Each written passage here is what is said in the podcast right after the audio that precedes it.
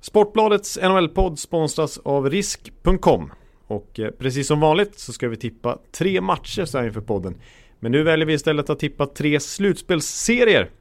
Så Bjurman, vilka tre har, eh, har du valt ut? Ja, eh, jag har valt eh, några som känns mer säkra. Eh, eh och mm. Washington, regerande mästarna mot Carolina Hurricanes. Där säger jag att Washington vinner den serien med 4-2. Mm. Jag tror också att Nashville Predators eh, slår Dallas Stars med 4-2. Mm. Och sen har jag en liten chansning då, en skrällvarning eh, att eh, Colorado Avalanche slår Västettan Calgary Flames med 4-2 också. Ja, och vi har alltså 500 kronor att spela för. Och skulle vi vinna så går pengarna till Rädda Barnen. Eh, mer motiveringar kring våra tips här, det kommer nu för nu är det dags för NHL-podden.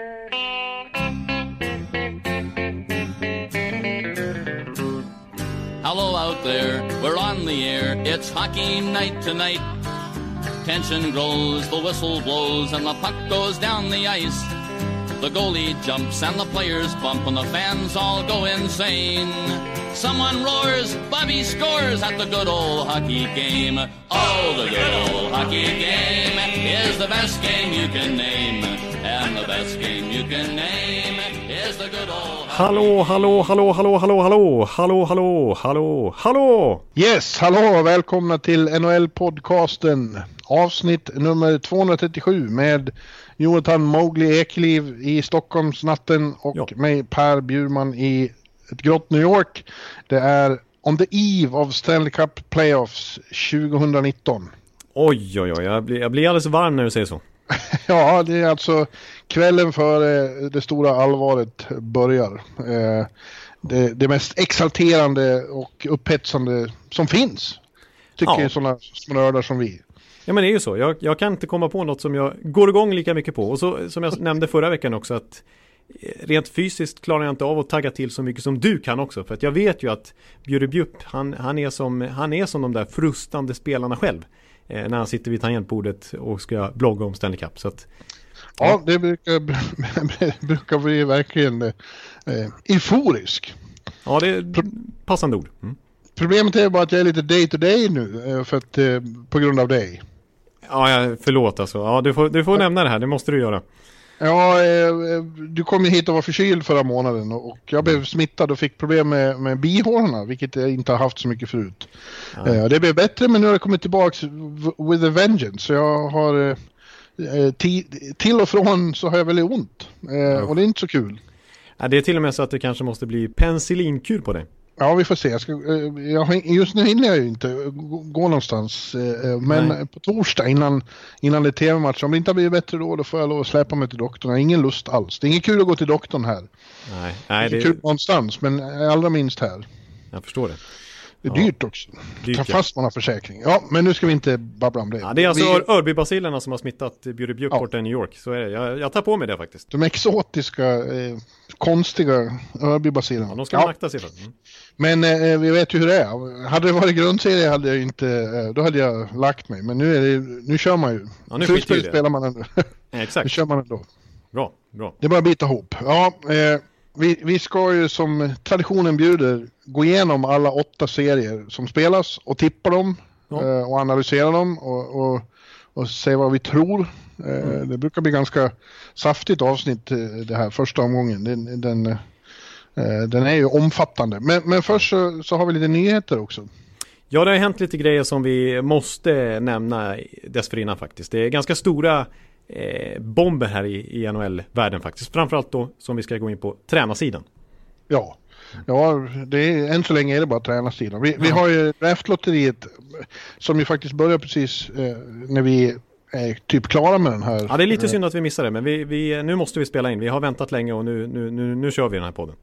Ja, vi skulle ha kört egentligen redan idag på dagen, men då, då eh, eh, allting konspirerar mot mig just nu. Då höll de på att renovera balkongerna här i huset. Så det var ett borrande så det inte gick att höra någonting inne här. Ja, ja. Nej, vi, vi missade det tyvärr, men eh, vi har en hel del att prata om ändå. Ja, ja som sagt. Och på tränarfronten så äh, fick då Florida Panthers äh, coach som vi har haft lustiga uttal på i den här äh, podcasten. Nu slipper vi det i framtiden. Ja. Bob Wagner ja, det... Fick sparken och eh, det tog bara något dygn. Sen presenterade Dale Tallon den prack bombnyheten att eh, Joel Quenville tar över i, i Florida. Ja, det, det, får man ändå säga. Eh, jag menar, Joel Quenville är på den nivån så att det är ju några fåtal coacher vi brukar nämna som man, man sparkar sin nuvarande coach för att ta in. Ja. Och visst, det var ju rykten om att Bogner, som vi säger, eh, skulle få lämna ändå. Men eh, snacka om att Quenville hade alternativ. Liksom. han kunde ja, lite vad som helst i princip alla som, som har sparkat sina kors eller har vak vakanser och det är rätt många nu mm. och har varit under säsongen hade han kunnat få det jobbet lätt. Absolut. Men Dale Tellon han har ju historia sedan Chicago. Mm. Mm. Och ja, det känns ju som perfekt tycker jag. För att Florida är på något vis ett oförlöst lag. Det finns enorm potential där tycker man som ingen har lyckats förlösa. Nej år efter år har de underpresterat känns det som. De borde vara mycket bättre än de är. Och är det glimtvis men aldrig på kontinuerlig basis. Nej, precis. Eh, som har sett nu till exempel i slutet av säsongen, precis som i fjol och kanske året innan också. Det känns som att det är typiskt Florida att avsluta säsongen bra när det inte betyder så mycket längre. Då liksom visar de upp sin, den sidan de, man tror att de har inom sig. Eh, ja. För jag menar, nu ser vi sista månaden, månaderna, så har ju Barkov och Huberdo och ja, offensiven har ju kanske inte varit något problem hela säsongen, men den har fullkomligt exploderat. Alltså Barkov är ju den som har gjort mest poäng i hela NHL sista månaden. Eh, ja. Och sådär. Men de är ändå inte nära slutspel. Eh, så att, precis, det är som vi är inne på. Den lagdelen, offensiven, är ju jättebra. Backsidan är på pappret stark med många fina namn där. Jandal, Ekblad, Pissick och, och Matheson och så vidare. Men målvaktssidan svek de ju lite i år. Men ja, det är som du säger, det finns enorm potential faktiskt i det här Florida-laget. Och Quenville, är det någon som borde kunna förlösa det så är väl han. Ja, det är ju såklart ett av skälen till att han eh, eh tar jobbet är att han ser den här, de här möjligheterna som vi talar om här. Ja. Men så är det väl också att det är jävligt trevligt att, att få flytta till Florida. Hela familjen får bo i södra Florida några år. Ja, eh. Han, var ju, han sa ju det, familjen är väldigt entusiastisk. Eh, det är ju ett, eh, ett extremt eh, trevligt ställe att bo på säger de som, som har varit där. Det är inte någon mycket press på Florida Panthers direkt. Nej, verkligen inte. Utanför, utanför rinken liksom. De lever väldigt eh, behagliga, eh, anonyma liv där och det tror jag tilltalar honom också. Och, och, och, en sol som ständigt lyser och temperatur som aldrig egentligen går ner under sommartemperaturer. Nej. Jag noterar till exempel att jag, jag som följer The Athletic noga och vad, vad de skriver och så vidare. De har en Florida-edition också, men jag har sett de har inte ens skrivit än att Quenville är klar. Den största bomben i Florida Panthers eh, moderna historia höll jag på att säga. Nej men det är en jättevärvning för dem. De har inte ens noterat det på deras sajt. Det säger lite grann om bevakningen kring det här Florida Panthers-laget lokalt. Ja. ja, som du säger, de behöver väl kanske göra några förändringar av truppen. Spetsa till här och där. Eh, men eh, eh och det kan det ju bli. De Gör de det så är, känns det direkt som att Florida är ett, ett nästa års New York Islanders typ. Eh, för att eh, det, det, går ju, eh, jag tänker mig att somliga kan säga att så mycket betyder väl inte en coach. Men jo, det har väl eh, Barry Trotz bevisat i, i, i Islanders. Ja. På Long Island här. Vad en person kan göra med i princip samma manskap som i fjol var omtalat som det lättaste att spela mot har blivit ett av de absolut svåraste. Och det är ju liksom, i deras fall så är det ju 100% en coachfråga. Oh. Så att absolut, man ska, man ska dra stora växlar av vilken, vem som står i båset faktiskt. Eh, så det är absolut. Och som du säger, förstärka. Alltså det här, jag menar Artemi Panarin och Bobrovski har redan ganska hett ryktats till eh, just Florida-kusten där. Mm. Och det känns inte som att Quenville är negativt. Dels för den credibility han har, liksom och själva grejen att få spela med Quenville. Men också relationen sedan tidigare mellan Panarin och Quenville. Ja, visst. Han, han har ju, alltså Quenville har alltid uttryckt sig väldigt positivt om Panarin. Och det var han till exempel som etablerade smeknamnet Breadman. Och, och sådär. Så att eh, de två har en väldigt bra relation. Och vi har ju snackat tidigare om att Panarin vill flytta till havet. Han har, och det ligger onekligen vid havet. Och han har ett hus i, i Miami-trakten sedan tidigare. Så att Ja, ja. Det, ja. Det, de kan få ihop ett riktigt slagkraftigt lag nästa år. Frågan är, det, det, är, som, det är väl just den målvaktsbiten och sådär. Ja, om Bobrovski skulle komma då. Eh, som är frågetecknet också. Eh, den lagdelen var ju väldigt svag i år. Alltså James Reimer, av målvakten som spelar med 20 matcher så slutar James Reimer på 50 plats i räddningsprocent. Roberto Longo på 52 plats. Så fick verkligen inget bra målvaktsspel. Men eh, det kan ändra sig snabbt. Det visar som sagt New Islanders. Ja. Ja, vi har haft fler eh, som sagt eh, byten på tränarfronten eller, eller det är ett par som har fått sparken så fort grundserien var över och eh, din gamla hjälte Phil Housley eh, till att börja med i Buffalo. Det har vi ju spekulerat i och jag har ju varit motståndare till att han ska få sparken men det var ingen som lyssnade på mig inte. Nej. Eh, eh, så han får gå. Ja. Och eh, det blir också klart att, att eh, tack och lov säger jag, att Willie Desjardins inte får förlängt till Los Angeles där han ju kom in som interim efter John Stevens. Ja, det kände man ju direkt att det var konstig rekrytering och eh, ja, det visade det sig det... snabbt också att det inte var en bra fit. Av alla dumma beslut de tog i Los Angeles, eller har tagit senaste året, så var nog det det allra sämsta tror jag. Ja, nästan faktiskt. Och det, nu när, nu när liksom säsongen var över, de hade sin locker, vad säger man, locker room clean out, när de hade sin avslutningsintervju. Exit, exit day, ja, säger man. Ja, precis. Eh, då kunde ju spelarna ta bladet av munnen lite grann och eh, inte oroa sig så mycket för att Desjardins fortfarande har makt i omklädningsrummet. Eh, och säga, ja, en sån som Tyler Toffoli sa ju till exempel att deras träningar den här säsongen sedan Desjardins tog över har varit kind of pathetic. Jaha, det får det missade Ja, du, ja. Har, du har inte haft ont i kinderna så du har inte behövt Nej, ja, precis. Jag, du har kunnat titta på saker och ting. Ja, och Dustin Brown eh, höll med och, och, och Drew Dowdy var inne lite grann på att de skulle behöva någon jag menar de är vana med Daryl Sutter där. Någon som har hårda nyper och sätter ner foten när det inte ja. duger. Och, och Desjardins var för mjäkig tyckte de helt enkelt. Ja. Så att, eh, nej, de vill ha en ny coach där. Och ska vi nämna då att eh, den som påstås i nuläget när vi spelar in det här vara liksom huvudkandidat i både Buffalo och Los Angeles som båda klubbarna förhandlar med och verkligen vill ha in. Det är Todd McLellan. Ja, kul för honom för då kan det bli bidding war då. Exakt, det lär inte, precis, han lär få en saftig lön. Vi kan ju nämna det också att Quenville, det rapporteras att han ska få sina 6 miljoner, precis som han hade i Chicago, även i Florida. Jaha. Han får verkligen punga upp där i Florida, eh, eh, Panthers, för att få in honom. Eh, men Todd McLennan lär inte, i den här situationen, lär inte få dåligt med pröjs heller. Nej. Och han, han är, befinner sig i Buffalo just nu faktiskt och ska förhandla med dem. Ja, ja, jag, ja Todd McLennan har aldrig riktigt lyckats på egen hand men han har ju ändå gått renommé och det är många som tycker om honom. Han är en av, en av Babcocks eh, protégéer. Ja, precis. Som har spritts vind för våg lite här och var i NHL. Mm.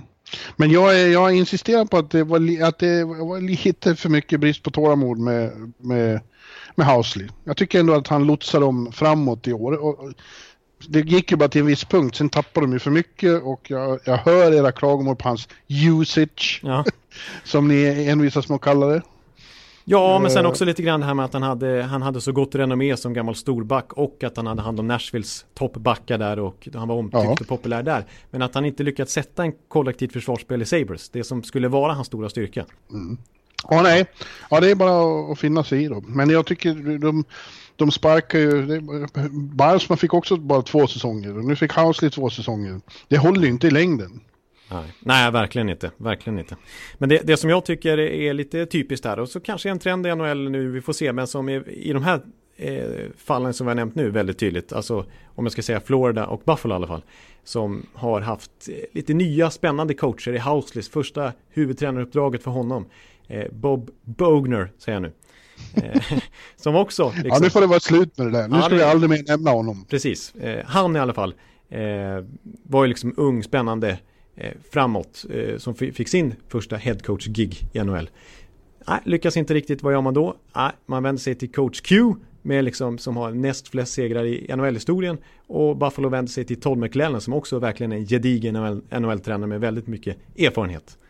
Så mm. det, är liksom, det, är verkligen, det är så typiskt där att man går från det ena till det andra hela tiden. Och nu har pendeln svängt lite grann från alla de här college-coacherna och unga ja. tränarna till att man faktiskt börjar titta lite. Det snackas om att Philadelphia ska intervjua Dave Tippett och så vidare. Att Alan ja. Vigneault är het igen. Han var ju iskall i, iskall i somras. Ja, det är, det är humor. Vad ska han ta vägen? Ja. LA?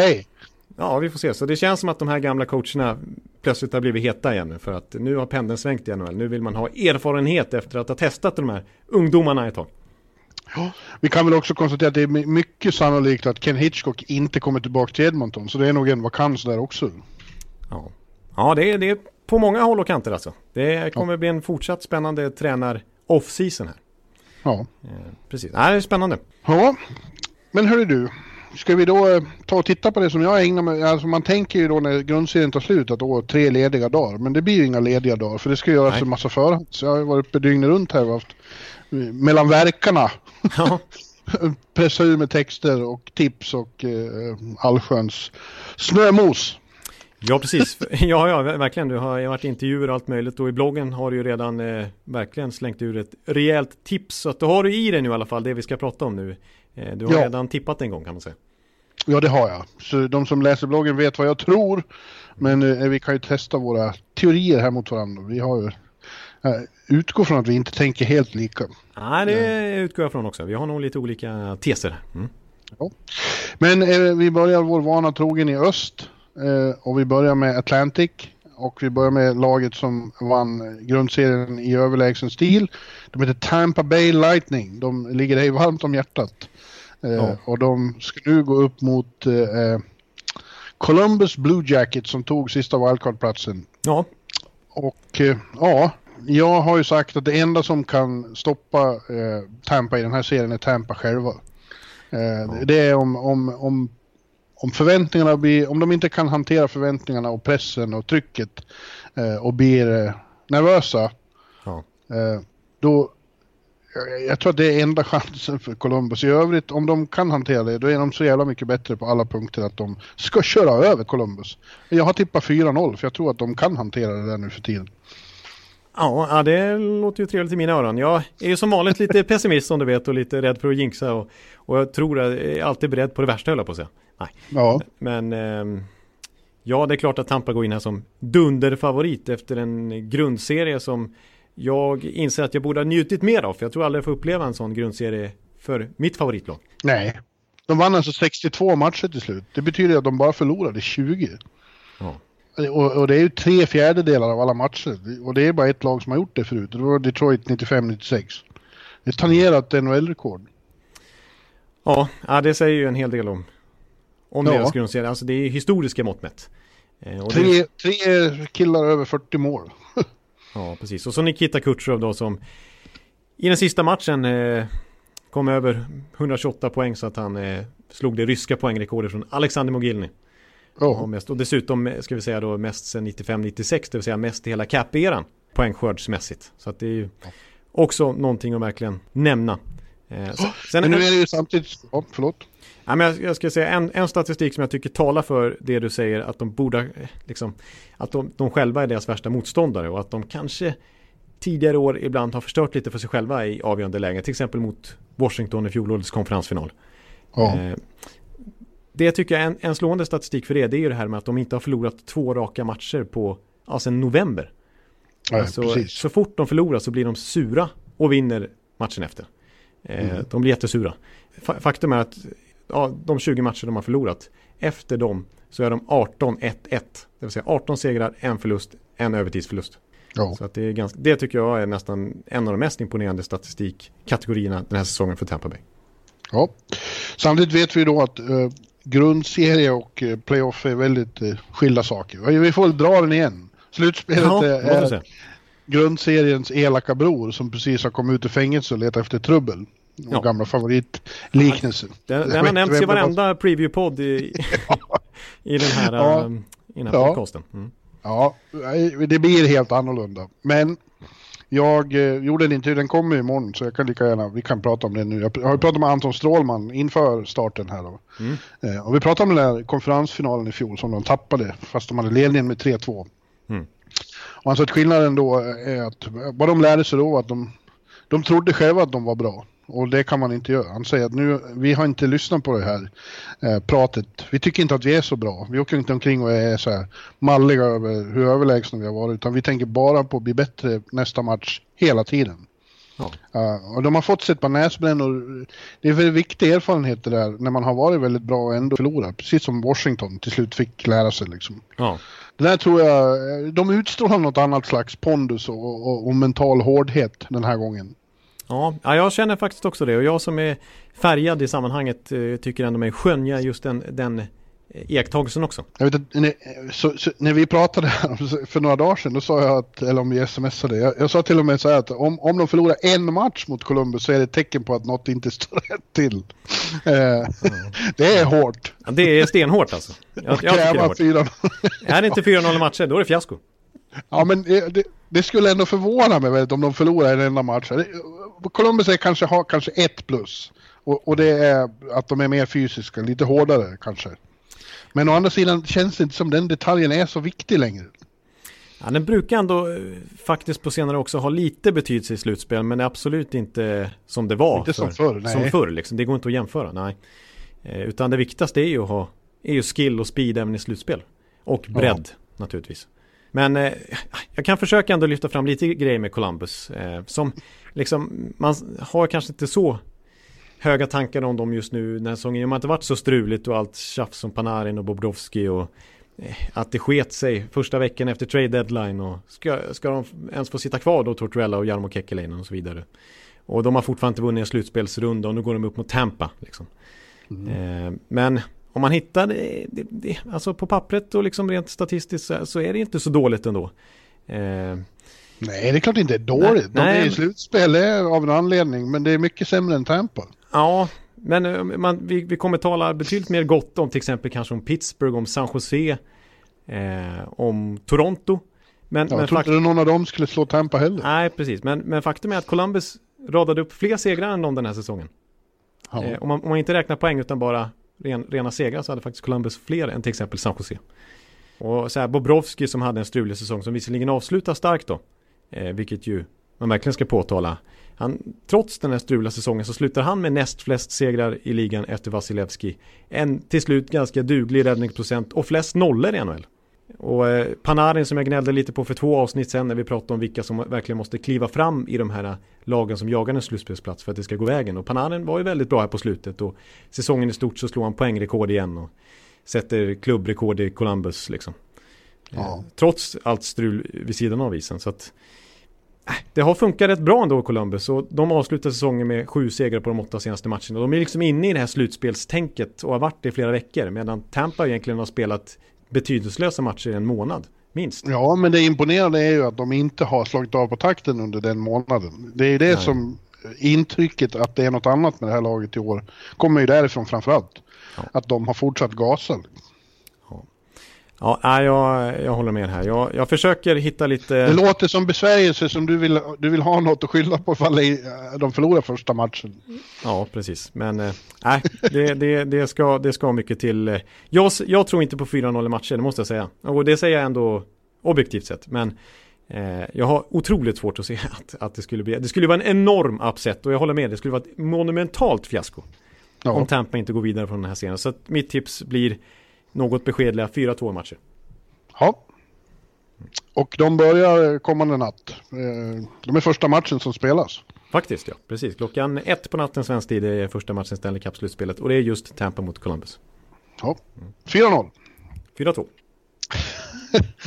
ja, i Atlantic har vi ju då också eh, klassikermötet Boston Bruins, Toronto Maple Leafs. Som vanligt, det är nästan ödesbestämt från början med det här formatet att de ska stöta på varandra. I synnerhet när Tampa har det här fönstret öppet. Ja. Kanske något år till. Ja, ja. Eh, och ja, eh, det är framförallt synd om Toronto tycker jag. För de rustar och blir bättre men eh, det hjälper inte för Boston är redan bättre från början och rustar också. Ja, ja det här är ju tre contenders i samma division. Ja, mm. och ja, det är, det är ju klyscha nu men, men Toronto har ju, de har ju framförallt vässat offensiven ännu mer med, med Tavares där då såklart. Ja. ja. Men backarna är inte tillräckligt bra. Det är bara, det, det, livsfans blir nästan irriterade när man påpekar det, men det är ju bara så. Ja, faktiskt. De försökte här med Massin att ta in, de tog in honom och han är okej, okay, men det har inte, det har inte riktigt eh, blivit den uppgradering man hade hoppats. Eh, de har Morgan Riley och sen är det inte så jättebra i övrigt. Det är inte dåligt, men det är inte tillräckligt bra. Ah, och det var ju inte liksom optimalt för dynamiken att Massin är leftare liksom. Eh, när, de hell- när de alltid varit ute efter en right back i toppparet liksom. Utan, och så nu blir det ju liksom inte att Massin och Riley spelar ihop i ett superpar utan det blir ju Hainsey och Riley förmodligen igen. Ja. Så, och uppgiften består ju då i första hand att ta bort eh, Bostons första kedja. Kanske mm. världens bästa hockeykedja. Ja, den mördande första kedjan som... ja, nu tror jag inte att de riktigt klarar av det. Eh, men framförallt är det så att Boston också har blivit bättre framförallt bakom den kedjan då. Så ägnar man all sin kraft att ta bort dem så finns det ändå för mycket, eh, för mycket firepower bakom dem. Ja, det är det som är den stora frågan om vi tar generellt sett kring Boston och det här slutspelet. För de siktar ju på att gå vidare från den här serien och till och med slå ut Tampa och liksom ja, vinna hela skiten i år. Eh, ja. Men problemet för dem och som var jättetydligt i fjol, det var ju att bredden inte levererade. Eh, I Toronto-serien så var det första serien som slog ut Maple Leafs på egen hand. De gjorde 30 poäng i den serien. I ja. Tampa-serien sen som bara blev fem matcher lång så var första kedjan, någon av spelarna i första kedjan inblandad i samtliga mål eh, som Boston gjorde. Så att det var verkligen ja. dem och inget annat som funkade. Eh, det problemet hade de ju även under inledningen av årets grundserie. De stod för all produktion. Men jag tycker mm. att det där har jämnats ut och borde jämnas ut. Sådana här DeBrusk och Heinen eh, är bättre och de har fått in till exempel Marcus Johansson och eh, Charlie Coyle. Ja. Eh, och jag, jag, tror att det finns mer där nu. Precis, och, och David Krejci som faktiskt 13 år in i NHL-karriären slår personlig poängrekord här nu. Ja. Så det är ingen dålig andra center de har. Och Jake DeBrusk som du nämnde gör ändå 27 mål i en, i en liksom andra femma roll. Inte ja, jag har haft stort utbyte av honom i mitt fantasylag. Ja, just det. Det var, det var, super, det var ett fynd.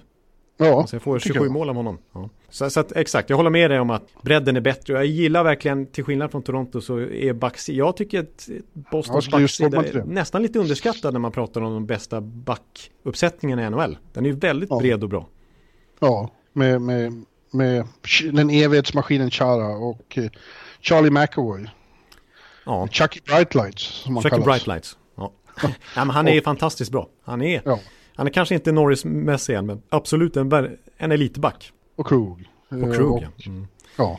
Carlo och hela gänget. Tyvärr är ju John Moore skadad, eh, som jag tycker också är rätt bra, men, men de har backning där bakom ändå med Grzelcyk till exempel. Eh, ja, och, Miller. och sen har de eh, bättre förspänn på målvaktssidan så tillvida att de har en väldigt bra andra målvakt också. Eh, Toronto, Andersen är kanske seriens bästa målvakt här. Han har ju varit enastående när han har varit på sin högsta nivå. Mm. Men problemet är om det händer något med honom eller han behöver, behöver bytas ut någon match. De har ju fått skicka ner Garrick Sparks till Marlies nu. För att, stå ja, på, för att komma tillbaka till sitt spel i tio dagar. Precis, jag uppfattar inte om han skulle skickas ner till... Ja, han gjorde väl det för att han, han de har ju ja, tagit han bort... Han var åtminstone på någon, på någon, på någon slags eh, vad, heter, vad är det man brukar kalla det? Uh... Ja, jag vet, inte vad man ska kalla det, men någon slags, eh, inte rehabilitering kan man inte säga, men eh, de har ju tagit bort hans plats i omklädningsrummet i alla fall och upplåtit den till eh, Michael Hutchinson istället. Ja. Eh, medan, eh, som jag förstår, ska Sparks jobba stenhårt med målvaktstränaren i tio dagar för att mentalt och tekniskt. Konstigt, konstig dag i den här tiden på året. Även om det, man förstår det, för Sparks har ju verkligen inte varit bra när han har stått. Nej. Samma Sparks som fick nytt kontrakt i mars liksom. Ja. Det var inte länge sedan. Nej, det, är det där är, känns ju inte helt lyckat. Nej, och Andersen. Eh, nu har de ju faktiskt en, en, nu har de i alla fall sin bästa möjliga backuppsättning nu när även Jake Gardner har kommit tillbaks. Men eh, här på slutet så har det varit riktigt dåligt och när inte Andersen varit lika bra ja, i mars och februari. Alltså Torontos försvarsspel, antal mål de har släppt in, det har ju varit i botten av ligan nästan. Så det har varit riktigt illa här på slutet, den trend de kommer in med i slutspelet. Ja, matchen vi såg till exempel på Long Island, när du var här och smittade ner mig. Ja. Eh, då, den, eh, då var de ju riktigt bedrövliga. Precis. Det, Defensivt. Exakt, trots Babcock liksom, och hans renommé att sätta en struktur i, i sina lag så eh, är det, det blir lätt hönsgård när Toronto Maple Leafs spelar försvarsspel. Ja. Och det kommer inte funka mot, eh, mot Boston. Eh, de måste maxprestera i så fall. Ja, jag säger att det Boston vinner och de, det går faktiskt till och med lättare än i fjol. De gör det i sex matcher och vinner med 4-2, alltså. Ja, ja, jag ska försöka hylla eh, Toronto lite grann och ändå säga liksom att när vi pratar om bredden på forwardsidan, det är ju det är ju en fantastisk, och jag menar nu har de ändå John Tavares, det hade de inte i fjol. Så liksom matchup-mässigt så, så har de en bättre bredd än Boston. Då måste man ju säga när de kan ha Austin Matthews som andra center och de kan ha Nylander, Kadri och Marlowe i tredje kedjan. Eh, det och så Andreas Jonsson kommit upp liksom i etablerade år jämfört med i fjol. Eh, så att, och jag menar de är liksom underliggande siffrorna offensivt är jättebra. De är bättre än Bostons, klart bättre. Sett över hela säsongen mm. framförallt. Kanske inte på slutet men framförallt överlag. Så att eh, ja, Toronto en... Jag tycker inte du ska titta så mycket på grundseriesiffror. Jag tror att det är viktigt att inte göra det. Nej, en verkligt imponerande offensiv men backsidan håller knappt slutspelsnivå. Ehm, så att, så nej. du säger sju matcher ändå? Ja, jag har sagt... Det, det, försöka komma. det blir ju alltid fyra, tre matcher. När de här med. Det blev det 2013 och det blev det i fjol också. Ja. Så, och, och, Toronto lyckas inte vinna den där avgörande. Och Boston har hemmaplansfördel igen. Så att, nej, Boston 4-3. Och då får Tampa ligga och vänta på Boston jättelänge till andra omgången. Ja, de ska ju vinna med 4-0 har vi sagt. Eller du har sagt. Ja. Ja. Mm. ja, ja. Eh, vi går vidare i öst och hamnar då i Metropolitan där regerande mästarna Washington då vann och får gå upp mot eh, bästa wildcard-laget i öst. Carolina Hurricanes som alltså bryter sin eh, evighetslånga slutspelstorka. Ja. Och eh, jag tror att bara det eh, kommer att och, och fylla dem med sån eufori och glädje att de i kombination med de kvaliteter de har med sin aggressivitet och sin kvickhet och sin frapperande skottvillighet.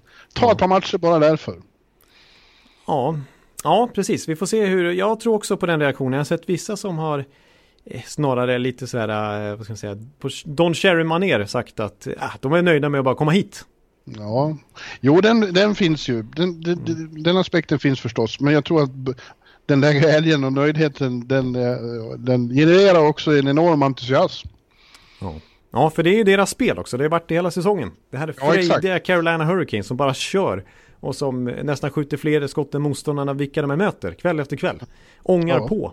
Och det kommer vara ett för satans liv i PNC Arena efter eh, Teams långa eh, eh, vad heter det, eh, tailgate-partyn ja. utanför. De har väntat på i så många år att få ha igen. Eh, eh, så det, det, känns som, det, det sa Wallmark när jag pratade med honom efteråt, att hela stan liksom har levt upp på ett sätt han aldrig har sett. Nej precis, för de har det i sig uppenbarligen, så är det ju liksom. För när vi var där för två år sedan, då var det mm. ju, vad, kan det ha varit 9000? Liksom. Ja. Det var ju mer tomma säten än fyllda. Och ja. det kändes riktigt öde och liksom... Jag har lite planer på att ta mig dit Jonathan, bara för att få uppleva ett slutspel där. Det har jag aldrig gjort. Det skulle vara häftigt ändå. Ja. Eh, ja. Eh, och bara få se det där. Liksom. Då måste du hänga på parkeringsplatsen utanför också, i början. Ja, åtminstone ta ett varv. Sitter först och randar eh, intro, sen gå ut och titta lite. Ja, det måste göra. Ja. ja. Hur som helst. Eh, jag tror att det räcker. De kan ta två matcher men inte mer mot ett Washington som vet vad som krävs nu. Eller hur? Ja, alltså, de går ju, det är ju lite speciellt för Washington för de går in i det här slutspelet på ett helt annat sätt än vad de någonsin har gjort. Alltså, de har ju alltid gått in som det här, ja, lite som Tampa kan man säga, med enorma förväntningar på sig och alltid de här äh, frågorna och i bakhuvudet att vi har ju chokat så många gånger tidigare, vi är laget som aldrig lyckas vinna. Ja, precis. Men nu är det inte så, nu är de regerande mästare. De ja, de helt annat lugn, tror jag. Ja, de slog ihjäl alla de demonerna i fjol och framförallt gjorde de det i, i serien mot Pittsburgh i andra omgången. Ja, precis. Det var väl den som blev ja, avgörande. Det var det, liksom. ja, verkligen. Det, eh, det, var då de upptäckte något hos sig själva som de inte hade sett förut och bara körde liksom. Ja. Och eh, det där sitter ju i. Eh, de har, det märker man ju på dem, de har en, det är ett helt annat lugn och en helt annan harmoni runt laget. Och de känner sig förvissade om att de kommer att kunna fixa det här. Ja. Och det är ju i princip samma lag. Ja, det är alltså, ju det. Till skillnad från många andra Stanley Cup, liksom när Chicago vann sina och, och så vidare. Det är, ofta blir det så att man slår i taket och tappar spelare över sommaren. Men i det här fallet så är det ju liksom, ja det är en annan backup-målvakt och det är Mikael Kempney skadad men de har fått in Nick Jensen och det är inte Devante Smith Pelly men det är Karl Hagelin som har gjort ja. succé. Annars är det ju samma gäng. Ja, det, där, det är ju såklart ett tungt avbräck det där med Kempney men precis som du nämner så Nick Jensen får ta hans roll nu då. Det var en jävla tur de tradade till sig honom. Ja, exakt. För då känns det ändå lite mer tryggt. Liksom. Det är klart det hade varit perfekt dynamik med Kemp nu. Han och Carlson funkar så bra ihop och de är lefter och righter och sådär. Nu blir det nu blir det så att Carlson kanske får gå på sin off-sida, för båda är ju rightare. Ja. Han och Jensen. Om inte nu Christian Jos som det har testats lite också ska spela i första paret med Karlsson. Ja. Mm. Det finns mer att ta av Jos, framförallt i hans offensiva spel. Eh, ja. Faktiskt. Sen är han, jag gillar hans, visst han är ingen eh, klockren spelare att ha framför mål mot tunga forwards sådär, men, men han är skicklig i egen zon tycker jag på att spela sig ur, vara smart, vara lugn med pucken. Alltså, ja. Han, det är en, ja, en bra spelare som har, som du säger, han har mer i sig. Ja, och Hagelin, jag läste om idag, de här, alla medspelarna hyllar honom som, han är ju en slutspelsmaskin. Ja. Eh, som de har mött så många gånger, jag tycker är en menace on the ice, menace to society. Ja. Eh, ja, kommer de ju också ha nytta av, men framförallt så är det ju ett, vi pratar om alla de där små beståndsdelarna, framförallt är det ju de stora stjärnorna där igen. Ja. Som är väldigt inriktade på att få uppleva samma sommar igen. Ja, och det känns inte som att eh, Ovechkin har tappat så mycket sen i fjol i och med att han återigen vinner skytteligan och gör över 50 mål. Ja. Eh, och, ja, och jag tycker, jag tycker faktiskt att jag vet inte om, om det är underskattat hur bra Washington var i fjol, men jag tycker ibland när man blickar tillbaka lite så här nästan ett år senare så är det många som hänvisar till hur bra försvarsspel de hade. Eh, hur, mm. hur, bra omställningsspel de hade. Men faktum är att de nästan samtliga serier så dominerar de matchbilderna tyckte jag. Jag tyckte de, det var det som var så imponerande mot Pittsburgh att det var de som förde spelet verkligen. Ja. Eh, mot Tampa så var det ju så. Det, ju längre matchserien led, ju tydligare blev det att Washington är ett bättre hockeylag då. Eh, och i, mot Vegas, Vegas som hade stormat igenom eh, västra konferensen, slagit ut Winnipeg med liksom 4-1 i matcher. Eh, ja. Som var solklar favorit i den serien och visst eh, så var det ju hela vägen för Vegas att de var nederlagstippade. Men i finalen var det inget snack. Det var ju Washington som körde över dem. Eh, nej, den högsta nivån som Washington nådde upp i då. Jag, jag, jag inte alltså det är, jag undrar om Tampa kan nå upp i den till exempel. Eh, den var, ja. den var väldigt, väldigt hög. Ja, de är ett stort hot mot Tampa såklart. Om de nu tar sig till konferensfinal igen båda de lagen så blir ju det en magnifik serie. Ja. ja. Och jag tror att eh, för, här, för, och det, man ska också komma ihåg att de lärde sig, för till exempel om de skulle förlora första matchen nu, det blir ingen panik. För det, det lärde de sig mot Columbus som förlorade två första hemmamatcherna och eh, blinkade inte ens. Nej, de, då gick de och vände på det där och tog fyra raka segrar. Ja. Det tror jag också betydde extremt mycket att de visade att de kunde det. Och de har lärt sig att stänga serien när det behövs och så. Ja, det var mycket de lärde sig där. Det var så många ja. olika scenarier i serierna. Det var Game 7 och det var som säger underlägen och det var överkörningar. Det var alla möjliga. Allt möjligt och de klarade av allting. Ja, ja jag tror 4-1 eller 4-2. Men jag säger 4-2 för att eh, eh, Carolinas entusiasm. Ja, ja precis. Jag, jag, måste nämna några siffror med Carolina som har med grundserien att göra. Så att du, nu, nu, nu det här gillar du inte. Men så här ska man inte dra Då springer jag och hämtar kaffe. ja, precis. Eh, men om vi ser till, till eh, 2019, om vi bara ser på grundserien 2019, andra halvan av säsongen helt enkelt. Så har ju Carolina varit otroligt, otroligt bra. Eh, näst bäst i den östra konferensen faktiskt. Det är bara just Tampa som har tagit fler poäng under 2019. Om man ser till, eh, ja, om man jämför med Capitals till exempel så har Carolina tagit nio fler poäng under den perioden.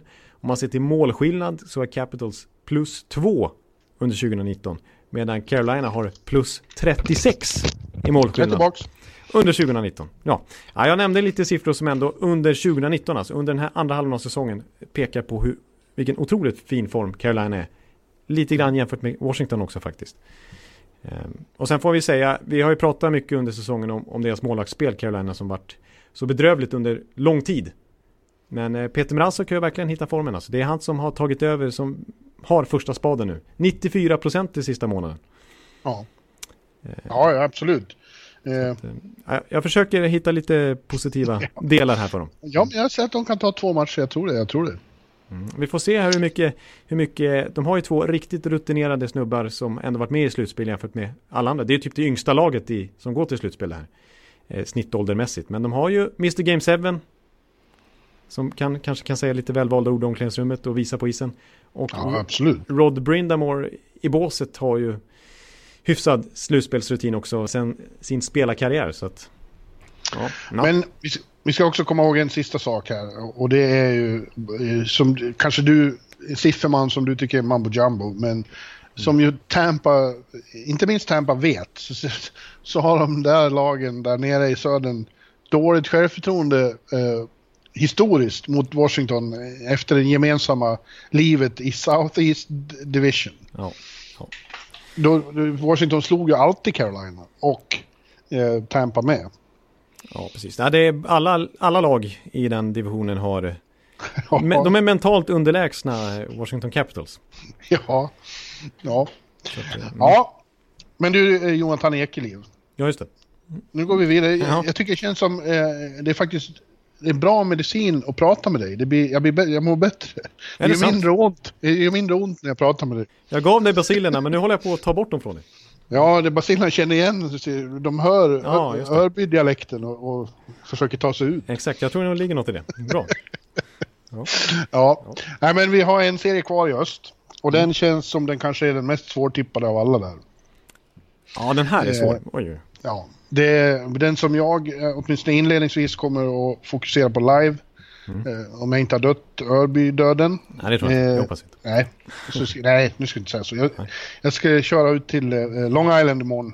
Där eh, New York Islanders och Pittsburgh Penguins inleder sin, eh, ja, sitt krig tror jag man kan säga. Det kommer att bli fruktansvärt hårt och grinigt och eh, blodigt. De tycker jävligt illa om varandra, har gjort länge de här två lagen. Som ja. de flesta divisionsrivaler gör, men det finns extra mycket aversion i den här relationen. Ja. Och båda är ju, till skillnad från förr när de har mötts i slutspel, så är ju båda riktigt jävla bra nu alltså. Ja. Eller, eller låt säga så här, jag vet inte om Pittsburgh är lika bra som de har varit när de har vunnit. Men eh, Islanders har ju kommit upp på deras nivå i år. Ja, exakt. Det känns jämförbart nu. Det, det, liksom, det är ju faktiskt Islanders som är hemmasidade. Och så har det ja. aldrig liksom varit i relation till Pittsburgh i cap-eran i alla fall. Nej. Så att det, det, är speciellt och alltså apropå blodet och liksom hett, hett och så vidare. Alltså den stämningen som du kommer få uppleva imorgon. I ja. ladan ute på, ute på Long Island där i Nassau. Ja, det kommer vara, det kommer vara brutalt. Ja, herregud. Jag, alltså, jag, när jag tippade igår så, så räknade jag upp vad som, vad som framförallt talar till de båda lagens eh, fördel. Mm. Och eh, grejen är att jag kom på fler saker som talar för Islanders. Men de två saker som talar för Pittsburgh kanske är de viktigaste. Jag, jag vet inte, vi får se. Jag tycker att Islanders har... Eh, de har Colosseum. Ja. De har målvakterna. De har sin oerhörda defensiv. Eh, de har en coach som redan i fjol eh, löste koden mot Pittsburgh. Ja, just mot Pittsburgh också. Ja. Mm. Och de har sin enorma fjärdekedja, den kanske bästa i ligan och är fruktansvärt hemsk att spela mot. Med Matt ja. Martin och Sisikas och, och Komarov. Ja, vi har just liksom devalverat lite fysikens betydelse i slutspel. Men när de har väl varit i slutspel, Islanders, i de senaste åren, ja. så har den kedjan varit den mest framträdande. Ja, det är för att de inte bara är fysiska, utan de är ju så bra också. Ja, precis. De, alltså, de är både och. Exakt, och de har nästan fått den här gamla sortens inverkan på att de har skrämt motståndarna. Alltså, ja. De har liksom, motståndarna har krypit ihop och blivit sämre när de ja. har varit inne på isen. För att eh, de är, är så sjukt ettriga. Liksom. Ja. Men då kommer vi till de två självklara saker som jag tyckte talar för Penguins då. Är de har fler matchvinnare och de har erfarenheten av skarpt läge i hela truppen i princip. Ja. Och det, det, det, alltså det är ju å andra sidan, det är bara två punkter men de är, känns jävligt uh, viktiga. Ja, de går inte att bortse ifrån. Utan de kommer ha inverkan på den här serien. Nu har inte Pittsburgh, om vi ändå envisas med att titta på grundserien, de har ju verkligen vacklat fram och tillbaka i år. Ja, men samtidigt så, jag menar, det brukar vara lite så med Pittsburgh. Även när de åren de vann. Så var det ja, inte så att de var ingen så. grundseriemaskin som eh, ständigt Nej. körde över allt och alla utan det var sparkad tränare innan Mike Sullivan kom in och det var även Sullivan har varit ifrågasatt eh, flera gånger under sin tid i, i Pittsburgh trots sina Stanley Cup-vinster. För ja. att de har haft enorma svackor. Men eh, de brukar ju tända till när det är väl är slutspel. Har gjort så. Jag tycker ändå att de gjorde ett bra slutspel i fjol också. Trots att de slogs ut av de blivande Stanley Cup-mästarna. Jag menar, faktum är att Jake Gensel och Sidney Crosby öste in så mycket poäng så att de faktiskt slutar femma och sexa i poängligan till slut. Trots att de bara spelar två runder. De gjorde ju 21 mm. poäng på 12 matcher, båda två. Jo, men det det, där kommer vi till erfarenheten att de är väldigt bra på slutspelshockey. Ja. Och att uh, Sullivan är en bra slutspelscoach. Ja. Ja, jag, är det någonstans jag är övertygad om att det blir sju matcher så är det här. Och uh, det känns som, ja, ja det, jag törs inte tippa mot Pittsburgh med alla de där, med Malkin och, och Crosby och Hörnqvist och Gensel och Letang. Nej, eh, precis. Mm. Men jag, blir, jag känner mig inte hundraprocentig på något sätt. Det blir inte det minsta förvånad om Islanders tar det. Att Lener till exempel skär några matcher i, i, i Pittsburgh och sen kommer hem till detta vansinnestryck i, på Long Island. Ja, precis. Ja, vi ska ändå komma ihåg att Islanders är det lag som har släppt in minst antal mål i hela NHL den här säsongen. Ja. Det är ju sanslöst. Och framförallt 5 mot 5. Alltså där är de ju nästan omöjliga att göra mål på. Så att eh, mycket kommer ju hänga på, tror jag faktiskt, eh, Pittsburghs powerplay. För 5 mot 5 är det ja. skitsvårt att göra mål på Islanders alltså. Men de har ju ett bra powerplay. Så att det kan, det kan man lugnt säga. så det, och det de är ju liksom, pro, pro, även procentmässigt syns ju det att Pittsburgh har ett av ligans absolut bästa powerplay. Ja, det är, alltså, man glömmer ju det. Jag, jag skulle såklart ha sagt det som en av fördelarna, deras del också. När de kan slänga in Letang, Phil Kessel, Crosby, Malkin och Hörnqvist. Mm. Eh, snacka om mördande. Mördande, ja det är verkligen mördande. Det är på Bergeron, eh, Marchand, eh, Pasternak-nivå. Mm. Ja. Ja, så, så säger de... Ja. ja, men en annan fördel som, som, ja inte jämfört med Islanders naturligtvis, men som ändå måste lyftas fram som en styrka nu, som har varit ett frågetecken ett par år sedan de vann två raka Stanley Cups, det är ju Matt Murray. Som, inte som har varit ojämn och ifrågasatt och petad nästan och skadad och så vidare. Men som faktiskt varit väldigt bra på slutet. Och slutar med en fin, alltså generellt sett har Pittsburgh en hög räddningsprocent den här säsongen. Både från Casey Smith och Matt Murray. Och mm. kan absolut inte skylla på sina målvakter. De har varit en, en styrka för dem den här säsongen. Framförallt andra halvan. Men inte samma styrka som eh, Lena Grice som vann eh, det här Jennings häromdagen. Ja. Eh, alltså det är målvaktspar som eh, har bäst stats ihop. Ja, släppt in minst antal mål helt enkelt. Ja. Ja, ja, nej, ja. Ja, och sen måste jag säga med Islanders också då. Det här med att eh, vi har hyllat deras defensiv, men deras offensiv. Den är ju inte tillnärmelsevis på Pittsburghs nivå. Eh, men det brukar ju liksom i Barry Trotz hockey, nu har han haft bra offensiv i Washington då naturligtvis. Men generellt sett genomgående under hans karriär som tränare även i Nashville. Så var det alltid så att, han inte, att hans lag inte skapar så mycket chanser. Ofta färre än motståndarna. Eh, men kvaliteten på chanserna jämfört med kvantiteten hos motståndarna var alltid bättre. Eh, så att mm. alla hans lag är alltid den här, om man pratar om avancerad statistikkategori, PDO, alltså skottprocent plus räddningsprocent. Alltid högt för Barry Trotts lag. Och alltid över 100. Hög skottprocent för att man skapar farliga, farliga chanser än motståndarna. Hög räddningsprocent för att man har ett bra försvarsspel och ett bra målvaktsspel. Eh, så att eh, det kommer säkert synas i den här serien också. Men, eh, men vi pratar, vi, vi, alla de här vi har radat upp i Pittsburgh, alltså bäste poänggörare i Islanders blev ju Matt Barzal naturligtvis. Men inte på 85 poäng som i fjol utan 62 poäng. Det räcker till en 67 plats i NHLs poängliga. Fyra Pittsburgh-spelare framför honom. Mm. Så att eh, offensiven är ju... Ja, de kommer få försvara sig mycket Islanders och gäller att sätta sina chanser. Ja. Eh, mm. Ja, det blir sju matcher. Vem som helst kan vinna den sjunde. Jag bara är feg och säger Pittsburgh.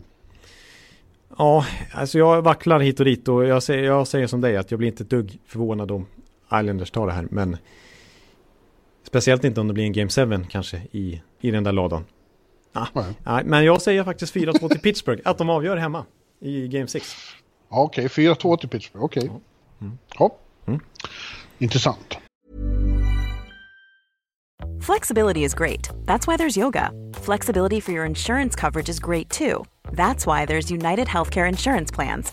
Underwritten by Golden Rule Insurance Company, United Healthcare Insurance Plans offer flexible, budget friendly coverage for medical, vision, dental, and more.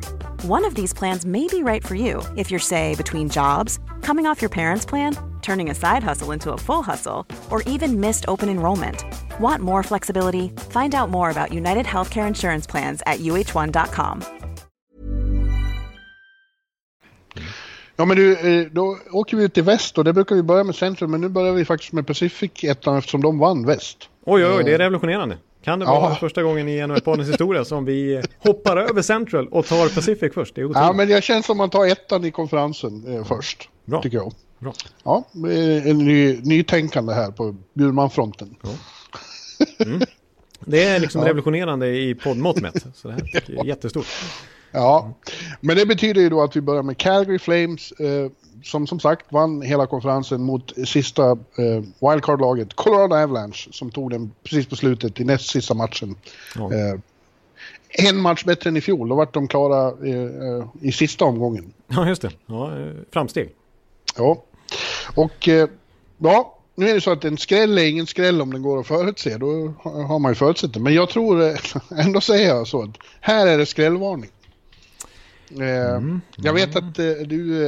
Eh, ja, det är kanske bara jag som fortsätter underskatta Calgary. Ja, jag är ju Calgary-gubbe och det är ju inte Bjurman. Nej. Nej, det är ditt nya... Min, min, förut var det Minnesota, nu håller du på Ja, nu är Calgary. jag officiellt Calgary-kille. Ja. Ja.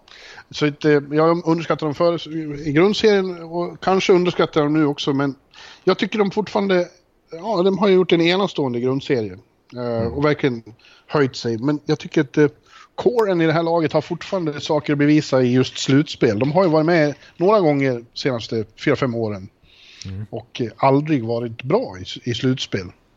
Eh, jag vill se det innan jag tror på dem. Jag sätter också stora frågetecken på bildskärmen när deras målvakter dyker upp. Ja. eh, Rittich har ju varit bra, men eh, ja, jag undrar jag. Ah, nu, ser, nu Eh, verkar det som att Mike Smith ska få förtroendet. Jag är inte Ja, då 100% sätter jag en- säker. Då sätter jag ännu större frågetecken, för han är, vet man ju aldrig vad man får av. Han är ju så exceptionellt ojämn. Exceptionellt ojämn och har inte haft någon bra säsong och har hunnit bli 37 år. Ja. Faktiskt. Nej. Men, men eh, han har varit, eh, till hans försvar så har han faktiskt varit eh, betydligt bättre sista tiden här. Så att han, Ja. det ska man ändå ge honom. Ja. Nu är det slutspel ser du. Nu är det något helt annat. Samtidigt då så Colorado, eh, jag tyckte redan i fjol de såg väldigt bra ut på, de, de var en tuffare motståndare för Nashville än, än vad många hade trott. Inklusive du och jag. Ja. Eh, och de har ju fortsatt stegra den här säsongen i princip samma lag. Vi har sett vad de kan när de är på sin högsta nivå. Då är de ju svinaktigt bra. Framförallt i början av säsongen så var de involverade i några av de bästa holmgångarna, de bästa matcherna under Ja. hela grundserien faktiskt. Ja, sen har de ju haft några underliga, tycker man, svackor. När det inte alls har gått bra. Men på slutet har de ju faktiskt höjt sig. När det kändes som att nu, är de på, nu går det åt helvete. När Ja, vi dödsdömde de ju faktiskt i en podd i typ februari. Vi tyckte Ja. det så dåligt ut. Mm. Ja, och framförallt efter Gabriel blev skadad inför våra Just det, ögon. ja, framförallt då ja. Mm.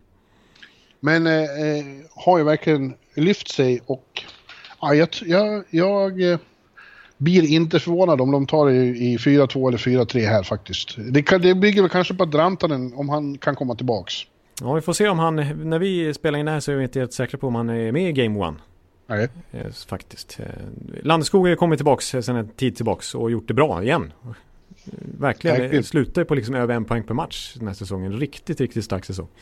Och där har du en riktig slutspelskrigare. Så är det någon som höjer sig och, och kommer in med passion så är det Gabe the Babe. Ja, och vilken stämning han har skapat i det i det här laget. Det märkte man tyckte Ja. när vi kom in i omklädningsrummet bara där i Colorado. Att det här var, var harmoniskt trots att de var inne i en ganska tung period just då. Han gillar dem att säga Ekeliv, kände du? Ja, men lite så. Nej, Ja. de ryggar inte bort. Utan, eh, nej, nej, men det, det kändes som, en, som vissa gör när, när de ser Ekeliv. Nej. nej, men eh, ondska. Ja, jag, jag, jag tror mycket på Colorado. Samtidigt ska vi, dock säga, ska vi då säga, den där invändningen jag hade där med att eh, eh, Flames inte har varit så bra i de slutspel de har. De har ju samtidigt ett mycket bättre lag nu. Eh, de har ju fått spelare som, som har höjt kvaliteten på hela kollektivet och eh, några av de unga har ju blivit mycket mer rutinerade och bättre och vet vad som väntar nu. Jag tänker då på Gaudreau och Monahan. Ja, de är inga färskingar längre utan nu har de ju rutin. Ja. Så att eh, jag är helt öppen för att det är bara jag som pratar skit här kanske. Och, sen, ja, men sen, och visst, de är inte 100% jämna den här säsongen heller. Men, men de har ju varit jämnast i den västra konferensen. Det är ju inget, absolut ingen tillfällighet att de vinner den konferensen. Ja, det som är konstigt i, hela väst är det väl så att ingen har övertygat sista månaderna. Alla har varit ganska eh, krattiga sen, sen eller ojämna har alla varit sen, sen det liksom har blivit klart att de kommer att gå till slutspel. Även om de inte har haft krysset då. Eh, eller hur? Eh, eh, Det gäller ju Winnipeg och Nashville Ja, och San Jose och Ve- Ja. Vegas. Ja, verkligen San Jose och Vegas också som går in Ja. i slutspelet med ganska riktigt eh, taffliga trender faktiskt. Ja. Eh, och Calgary har ju vinglat lite på det sättet också. Men ja, Men i sammanhanget ändå ganska stabilt tycker jag. Ja, ja, ja. Ja, jag är som sagt igen. Jag är öppen för att det är du som kan ha rätt här. Och, och Eh, Den här första kedjan är till exempel en dynamit. Ja. Gaudreau, Monahan och den nya Elias Lindholm. Ettan i svenska poängligan som han blev till slut, till Ja. grundserien. Ja, precis. Och det finns ju några som de kan, borde kunna få ut mer av och då tänker man ju framförallt på James Neal som inte har eh, precis rosa marknaden sen han kom upp till Kan- Kanada. Men där finns det ju mycket att ta i ett slutspel. Skulle kunna vara en slutspelsjoker för dem.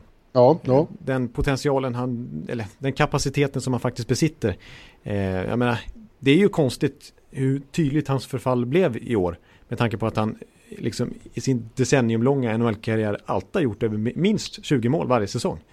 Eh, och brukar ändå kunna vara ett vass i slutspel också, ha en del rutin från det från diverse lag. Ja. Eh, och var ju bra i fjol för Vegas i, i just slutspelet också. Så att, eh, kan, de liksom, kan han spela en betydande roll så är det en, jättebonus för dem. Som, som ytterligare förstärker deras offensiv. Som redan är jättebra. Ja, då låt mig slänga in brasklappen då. Om de, om de får ihop det här, om de gör det och, och slår ut Colorado, då lovar jag att byta fot och säga att Calgary är ett hot. Ja. Som kan gå hela vägen till final. The Red Sea vill man säga igen. Nu har inte det varit någon eh, framgångsformel i, i slutspel. Men de, de har ju också en mäktig inramning när de spelar slutspelsmatcher. I gamla Saddle Dome. Ja, Det är en av få arenor jag inte har varit i. Det skulle vara kul att få komma dit på final till exempel. ja då är det ju tokrött alltså. En, en repris av finalen 04, vad skulle du säga om den? Ja men det låter bra för då vill jag ha samma resultat också. Ja. Game 7 hemma i Amalie. Ja precis, och då får de eh, skriva korttidskontrakt med Ruslan Fedotenko så att han kan kliva in och göra två mål och avgöra det. Och, och uh, Kabibulin. Ja, ja, ja, vi har en bra rysk målvakt nu ändå. Ja. Ja, men det är bara ett sånt underbart namn. Ja, det, det finns inget coolare namn. Kavibulin, Kavibulin, det slår det. Kabibulin. Det, det slår det. Vasilevski. Oj, Ja, ja, det gör det. så är det. Ja, men, Ja, det sen, har varit ett sidospår kan man säga. ja, men apropå målvakter så måste vi säga, jag har faktiskt inte nämnt hur bra Filip Grobauer har, Grobauer har varit för Colorado. Nej, jag satt just och tänkte på det. I, i, I början av säsongen var det ju deras svaga punkt, var i målvaktsspelet, att varken han eller Valamov spelade särskilt bra. Ja, framförallt efter den fina starten, men liksom hela vinter, vintern här, var ju, det, var ju Colorados målvaktsspel nästan sämst i NHL. Kanske sämst i NHL. Det var ju... Ja, när jag, var där, när jag var där i januari så var det mycket prat om, om just det där det, det var, det, ingen av dem, båda har varit mediokra tyckte man. ja, precis. Ordinära. Precis, Valamo som är en gammal Vesina-nominerad målvakt och, och Grobauer som ju var en lite prestigevärvning. Det var många lag som ryckte i honom inför säsongen. Eh, men ingen liksom tog chansen. Men nu har Grobauer varit så bra som han var åtminstone i grundserien i fjol. Eh, då var han faktiskt grundseriens bästa målvakt under flera mål- månader. Det var ju därför han fick chansen istället för Holtby i Washington i början av Columbus-serien. Eh, då. Så att, men han, har varit, han är ju den största anledningen till det här stora lyftet som Colorado fick. Jag menar, de var ju som vi sa, de var verkligen på gärdsgården och vi trodde att de skulle missa slutspel. De var, hade en rad poäng upp för att klättra tillbaka in i racet. Men det var ju Grobauers målvaktsspel som var den stora anledningen till att de kunde göra det. Så att han Ja. är i superform och definitivt en lagdel som känns som en styrka jämfört med Calgary nu. Ja, Ja, nej, men jag säger eh, 4-1 till Calgary. oj oj oj. Ja, och jag säger f- 4-3 till Colorado. Ja, det är bra. Där skiljer vi oss eh, monumentalen. Ja, verkligen. Eh, eller vi ska se, säger jag verkligen det? Gör det. Nej, jag säger 4-2 till Colorado. Oj, Eh, De avgör på, i Pepsi Center i sjätte matchen. Bra. Ännu mer skillnad då. Ja, Ja. Verkligen. Ja, jag får ge upp Eh. min Calgary-hopp om du skulle ha rätt. Då, då lägger jag ner. Vi, vi, vi får väl bara nämna, vi nämnde inte Calgarys backar, det måste vi göra. De, de är faktiskt eh, väldigt bra. På pappret i alla fall. Ja, precis. Förmodligen Norris-vinnaren inkluderad där. Ja.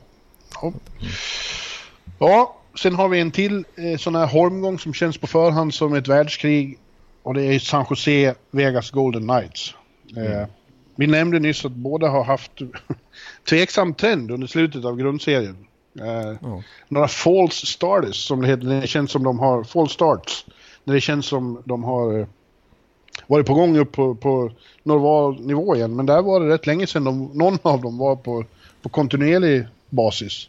Ja, jag tror faktiskt att under 2019, om jag inte såg fel när jag kollade lite i statistik för Carolina till exempel, så undrar om inte både Vegas och San Jose är på undre halvan poängmässigt under 2019.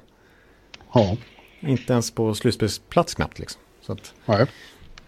Ja, det är lite konstigt, men, men samtidigt är det ju i grunden två jävligt bra lag.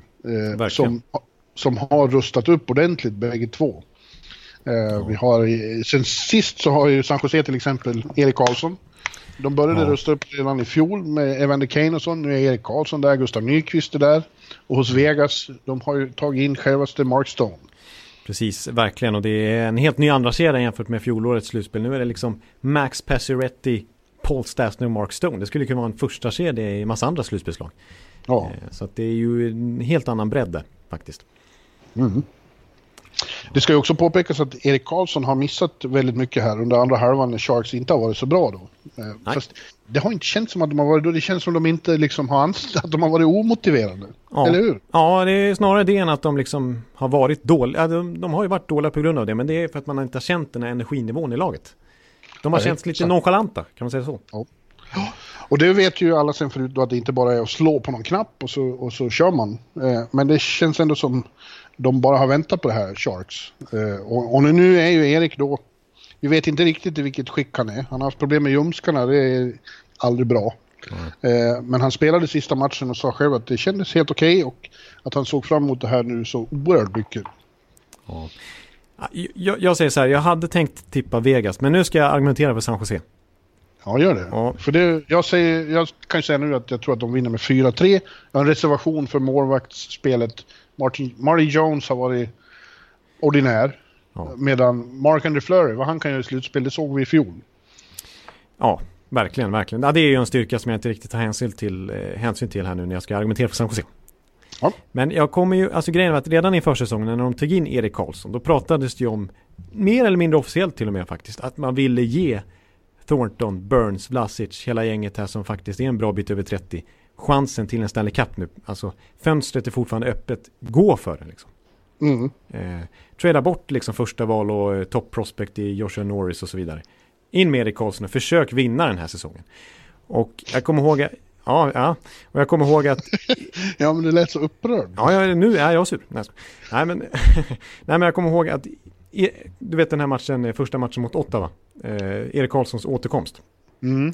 Det var ju katastrof. Då var ju San Jose inne i en riktigt usel trend och de åkte på dyngstryk där mot, mot Ottawa alla lag dessutom. Och hade ju ett möte efteråt där de satt i omklädningsrummet. Jag tror det var Couture eller någon som återberättade sen och sa att det de hade pratat om var att kolla, kolla runt det här omklädningsrummet. Det är ju en mängd fantastiska spelare. Liksom, vi kan inte vara så här dåliga. Vi, det här laget skulle kunna vinna Stanley Cup. Alltså, Ja. Liksom, eh, så här. Och I det läget så var det lite grann att de tyckte att, att, att de kanske insåg det själva och kände att ja, men jag behöver inte anstränga mig så hårt för att eh, jag har ju, jag har ju Pavelski sitter här bredvid. Ja. Men, men, men då insåg de att jag, om jag anstränger mig stenhårt, om Pavelski anstränger sig stenhårt, om Erik Karlsson går all in, om Couture gör det, Thornton, Meyer, hela gänget. Oj, vilken högsta nivå vi har då. Och efter, Kane. Kane, liksom, efter den matchen så var de ju svinbra i december. Alltså Erik Ja. Karlsson fullständigt sköt ju höjden. Och de vann ju varenda match. De var ju bäst i NHL under en period. Ja. Så att jag tror att nu när de går in i det här slutspelet så är, tror jag att det är lite samma känsla här i, i, i San Jose. Att de, de, de inser det här, vilken chans vi har nu. Vilken högsta nivå vi kan nå upp till om alla verkligen är maxpresterar. Så jag tror att San Jose kan bli livsfarliga. Och Erik Karlssons skada, ja visst. Men kom ihåg att han spelade utan fot för Ottawa, Ottawa Senators för några år sedan. Och var liksom legendar, han var gudabenådat bra då. Så att en skadad Erik Karlsson kan också vara otrolig. Eh, och vilken motivation han har med det här laget, vilken chans de kan vinna. Och Vilket han, härligt brandtal, Jonathan. Precis, det är kontraktsår dessutom för Erik Karlsson. Han spelar för sin framtid för att tjäna 12 miljoner dollar i sommar. Så att, nej, jag tror vi kommer satsa stenhårt San Jose. Det känns, det känns som man vill resa sig upp i stolen och skrika varsågod. yes, nu, nu. Sharks, Kom igen yes, Sharks, nu! Det här tar vi! It's our time. Ja, precis. Ja. Nu blev jag andfådd, nu måste jag dricka lite vatten. Ta över. ja, det var som fan. Ja, men jag tycker samtidigt så är det faktiskt så att Golden Knights också har odiskutabla kvaliteter. Och Ja. när de har spelat på högsta nivå så är de också jävligt bra. Så jag Ja. tror att det här kan bli en av de mest sevärda serierna. Ja, det tror jag verkligen också alltså. Jag tror, eh, nu har jag sagt San Jose 4-3, efter ditt tal så känns det väl mer som 4-0, men, men eh, jag, tror, jag tror att det blir en holmgång och, eh, men eh, eh, ja, Sharks, jävlar, man, man, blir, man sitter ju här och känner sig helt eh, Ja, men eh, de, lite andlös efter ditt inlägg här. Eh, ja. Men ja, jag har inget mer att tillägga, Sharks vinner, men jag säger 4-3 för att jag vill se sju matcher mellan de där två lagen. Ja, jag säger också att, att det, blir, det är så pass tajt för Vegas. ja, men Vegas under sin korta NHL-period har haft ganska liksom, lätt för San Jose också. De möttes ju i förra årets slutspel. Ja. Och, och, och, faktum är att liksom, när det har varit jämnt, då har det varit jättejämnt. Och så har San Jose kanske vunnit med uddamålet. Men den andra typen av matchspel har varit total utklassning. Alltså så här 7-0 till Vegas. Eh, för att det har inte passat San Jose den här, den här otroligt skick, alltså otroligt, det här systemet som Gerard Galant har implementerat som innebär att, att de är livsfarliga att möta i mittzonen. Alltså deras omställningsförmåga har straffat Sharks så stenhårt. Och nu när de dessutom fått in Stone som kanske är mittzonens kung i NHL. Mm. Så känns det som att det bara förstärker Vegas styrkor. Eh, så att, ja, ja, Vegas kommer bli farliga, men jag, utifrån mitt brandtal här så säger jag 4-3. De tar det i Game 7, alltså då, då, ja. då löser de det. Ja, har de tagit sig förbi där, då blir de farliga. Då blir de, de inte att leka med. Nej, verkligen inte. Nej, sen har vi slutligen, nej inte alls slutligen, utan nu går vi över till Central, eller går tillbaka till Central. Det blir ja. konstigt geografiskt det här. Exakt. Jag vet att du känner dig förvirrad nu. Men... Jag är förvirrad och oj, oj, tidszoner hit och dit och hjälp. Ja. Där har vi då ettan i Central mot äh, andra wildcard-laget Dallas Stars. Två, äh, två gamla divisionsrivaler. Äh, ja. som, jag, vet, jag, tror inte de har mötts i slutspel förut. men nu är det dags. Och vi som åkte mellan dessa städer så sent som för ja. en månad sedan. Ja. 12 timmar emellan. Det är lite mycket att åka när det blir bara en dag emellan. Ja, det är sant. Det, det, det är tufft. De får stanna, stanna i Jackson på det där motellet vi var på. Nej, fy fan. Nej, Nej, det ska vi inte rekommendera någon av våra kollegor. Nej, verkligen inte. Usch. Ja, eh, Nashville och vinner till slut, men som vi nyss pratade om, de har ju också eh, bara, bara, bara då och då varit uppe på, på den nivå där de borde vara med det fantastiskt breda och djupa trupp de har. Och spetsiga. Ja. Eh, och det är såklart lite oroande, men jag tror ju att det är lite med dem som med San Jose och med andra vi har pratat om att, att eh, nu när allt står på spel mm. Så kommer de att svinga sig upp där de behöver vara. Och när de är där, mm. när de är på sin, när de kommer upp i sin fulla potential, mm. då är det ett svinaktigt bra hockeylag, Nashville Predators. Ja, då kan de vinna Stanley Cup. Ja, när de spelar på den nivån. Ja.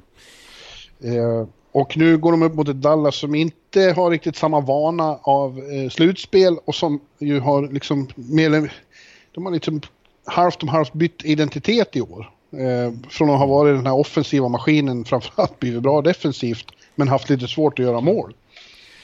Ja, precis. Den, den, stora styrkan för dem det är ju Ben Bishop. Som ju mm. kan. Vi gav ju Vessina till Vasilevski förra veckan men det är, jag skulle inte protestera om Ben Bishop får den. För han Nej, har ju varit deras MVP, det säger ju alla i laget.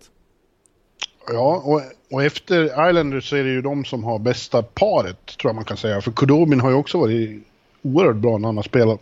Exakt, och de slutar faktiskt tvåa i den här Jennings-priset. Det är ju det målvaktsparet som har släppt in näst minst antal mål efter Lener och Greis. Ja. Så att, eh, ja. Och Ben Bishop leder ju liksom, eh, han, han vann ju grundseriens räddningsprocentsliga och så underliggande siffror som goal saved above average var en etta i också. Så att riktigt bra överlag och sista månaden då, alltså helt otroliga siffror, nästan 97-procentig. Så att han kommer ju in i superform. Ja, och det, det känns väl som att Bishop och Domin kanske kommer att stjäla någon match här för dem. Jag tror. Å andra sidan så har Nashville också en målvakt som kan stjäla slutspelsmatcher. Ja, han kan ju vara fullständigt formidabel eller motsatsen mm. visserligen också. Ja. Men ja, det, mm, men eh, nog, nog är, känns det inte helt otryggt att ha Pekarinne som sista utposten då. Nej. Eh, det, det, borde bli en... Som Dallas, som sagt, de har, de har lite... De har lutat sig mot sin defensiv mycket men samtidigt vet man ju att det finns eh, fantastiska offensiva kvaliteter. Eh, mm. Som de... Får de igång den så med, med Seguin och Ben och Radulov och, och, och alla andra så borde de ju kunna vara ett hot off. Men det är väl inte bara lätt att, att, att liksom göra plötsligt. För att man vill. Nej, för, då, visst, för de har inte varit lika bra som tidigare år. De har inte öst in poäng på samma sätt. Jag menar, Jamie Benn är gammal poängligavinnare hela NHL och nu blir det knappt, det blir väl liksom 60-talet poäng bara. Eh, Horseshit! Ja, eh, ja, precis. Och visst, de blev kallade för horseshit. Och visst har man investerat så mycket pengar som ägarna har gjort med de förväntningar som, som de hade då. Eh, men, men samtidigt så skulle jag vilja säga så här att resten av, återigen har det ju varit bredden på forwardsidan varit problemet. Det är ju bredden som är horseshit. Mm. Så är det ju. Eh, men där har de ju faktiskt ett liten X-faktor nu. För grejen är att Mats Zuccarello, han är tillbaka ja. inför slutspelet. Han ja. fyller på deras djup. Ja, det har du rätt i. Det, det, det, glömmer jag hela tiden när jag tänker på Dallas. Han är ju där också. En riktig joker i leken. Precis, och sett bra ut i de få matcherna han har spelat. Även nu när han kommit tillbaka så har han gjort lite poäng. Så att, mm. Eh, jag, jag tycker, nej, men, men jag håller med dig där. Alltså, men samtidigt som du säger, Nashville. Jag, jag, tror det kanske är bra för, jag menar det här President's Trophy i Nashville, de har inte varit bra i, så bra i slutspel. Nej. Liksom. Utan det var ju det här laget som var sist in i slutspelet. Som gick till final. Ja. När de var 16 lag. Mm. Så att det kanske är på ett sätt är bra för dem det här att det inte har funkat klockrent ändå. Att de kanske inte riktigt har samma förväntningar på sig den här gången. Som i fjol exempelvis. Mm. Känns också som enskilda spelare kommer in under en pendel uppåt formmässigt. Jag tänker på Viktor Arvidsson som slog klubbrekord med 34 mål fast han missade 20 matcher eller vad det var.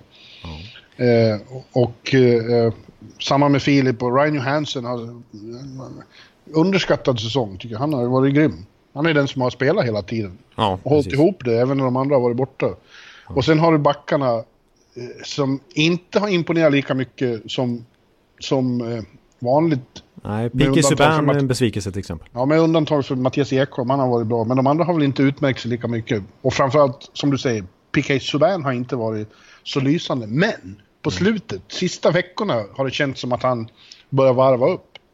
Ja. Ja, och Josie börjar ju faktiskt i vissa kretsar få lite, inte Norris Trophy liksom röster, men ändå nomineringssnack kring honom till och med. Ja. Eh, och det var det inte i början av säsongen. Och de gör faktiskt 200 poäng backarna den här säsongen, vilket är ju fantastiskt bra. Eh, så det, det, de, det är ju den där topp 4 är ju en jättestyrka och är naturligtvis den bästa backsidan i NHL, trots allt. Ja. jag tror att det blir en väldigt rolig serie att titta på. Ja. Jag tror att den blir sevärd. Men jag tror att Nashville vinner med 4-2. De avgör i sjätte matchen hemma i kokande Bridgestone som ju du nu har sett vad det är för slags jävla kalas där. Ja, Nej, femte matchen. Ja, femte matchen. Ja, precis. Nu får, nu får du tänka om här.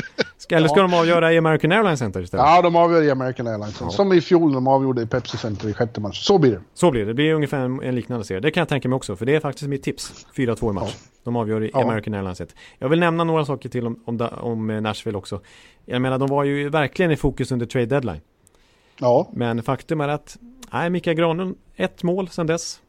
Eh, Wayne Simmons, ett mål sedan dess. Ja de här hyllade David Poyle-värvningarna senaste åren har inte riktigt eh, funkat lika bra. Alltså Kyle Turds till exempel har ju varit healthy scratch bitvis. Eh, så att bredden bakom första kedjan, produktionen bakom första kedjan har ju inte varit bra.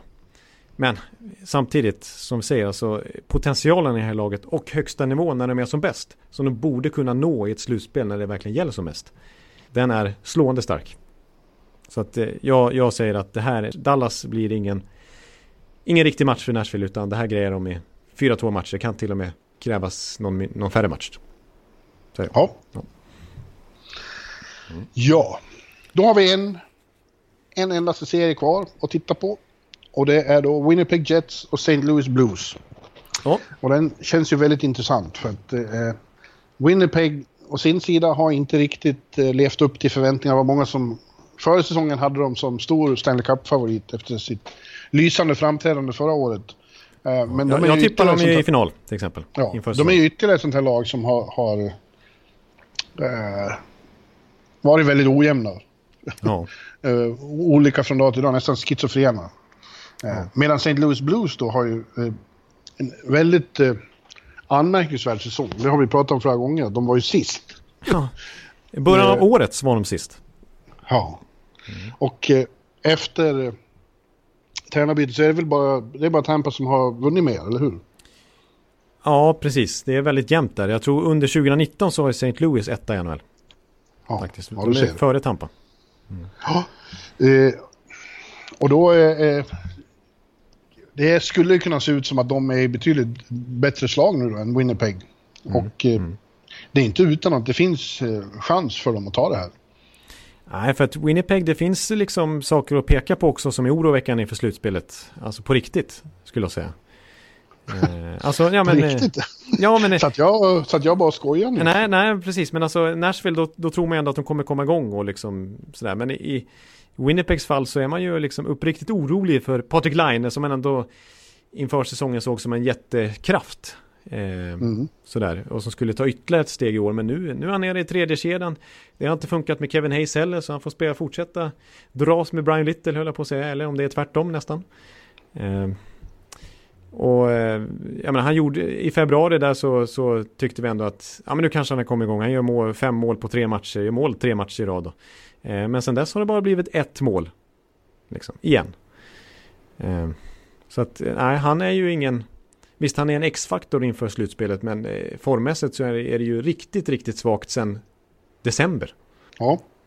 ja. Eh, vad, vad, vad, som ändå, ändå talar för Jets tycker jag är att det finns enorma kvaliteter i truppen. Det går inte att bortse från eh, Shifley och Wheeler och Kyle Connor. Och en Dustin Bufflin som alltid blir ännu större när det är ja. playoff. Och ja, eh, Hellebucken. Som, som, var fantastisk i, i fjolårets slutspel. Mm. Ja. Och sen har de en av de svåraste arenorna att komma till som bortalag. Och I synnerhet i slutspelet när det är whiteout i eh, MTS Bell Place eller Bell MTS. Bell, ja vad säger man? Center? Bell? Ja, ja, något sånt. Ja. ja. Ja, det är klart. Det, det hotar ju, det kanske är den, ja det är nog den fetaste slutspelsupplevelsen faktiskt. Winnipeg Whiteout. Ja. Att, även om det inte var någon fördel i, i fjolårets Nashville-serie när de turades om och vinna bortamatcher. Men, um, ja, det är klart. Och, och liksom Scheifele, hans slutspel i fjol, han öste ju in mål alltså. Det var ju så att eh, Ovechkin fick kämpa för att slå han till slut. Han gjorde ju, mm. Ovechkin gjorde väl 15 mål och Scheifele kom upp i 14 på tre serier. Så där, där finns det ju en enorm spelare och som du sa Bufflin som faktiskt varit skadad mycket den här säsongen, framförallt andra halvan här. Och det har ju stor del i att Winnipeg in, har gått trögt. Eh, för ja. backsidan är ju ganska tunn där, även Josh Morris har varit borta. Och är väl lite osäker här inför Game One dessutom. Det var många Winnipeg-fans som det var inte en, en, mer populär åsikt i Winnipeg än utifrån sett från, från vårt håll att, att eh, faktiskt de borde snarare rikta in sig på en riktigt bra back än att värva en andra center. Ja. Eh, faktiskt. Eh, men, mm. men de gick för centern och Kevin Hayes har väl inte varit samma succé som Paul Stastny var i fjol när han kom in. Han har liksom inte klickat lika bra med Nej. Han har gjort en del poäng men det har inte liksom funkat spelmässigt lika bra som med, med Line till exempel som det gjorde för Stastny. Mm. Å andra sidan, eh, Line hade en fantastisk grundserie i fjol men sjönk tillbaka lite i slutspelet. Det kanske blir dags för tvärtom nu. Precis, alltså mycket hellre det för ja. hans del naturligtvis. Så att, eh, vi ska inte räkna bort han helt. Det, ju, det där skottet är ju fortfarande en brutal teknik han har på. Att, ja. Men eh, mot sig har de alltså Blues med eh, sensationsmålvakten Billington. Det är å andra sidan hans första slutspel. Man vet inte hur han kommer att reagera där. Men de har ju fått ihop ett jävligt fint lag. Alltså. Ja. Eh, av, av, det som inte var så bra under Mike Joe då. Nej. nej. Eh, Ja men systemet, och, alltså hela, hela, hela tryggheten i St. Louis-spel, det är därför de är så jämna. De har ju på ja. pappret har de ett bra lag, men de har ju inte bäst lag i NHL. Och ändå har de tagit Nej. mest poäng sen Berube tog över. Och det är ju för att de har den faktiskt, den här rakheten som han står för i sin kommunikation. Han kan ju vara lite bister och lite, han kan säkert uppfattas som lite jobbig och så här, som han gjorde i Philadelphia också. Eh, och har skumheter för sig ibland, men han är ändå tydlig med vad han vill. Och det har infunnit sig som sagt en väldig trygghet i deras grundspel, alltså deras styrspel, deras markeringsspel, defensiv zon. Där är de ju otroligt konsekventa.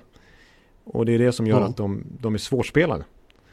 Eh, och så har de ju liksom firepower i form av Tarasenko inte minst och Ryan O'Reilly som varit en succéinvestering. Ja, verkligen. Eh, Peron. Efter en trög början för honom och för alla andra.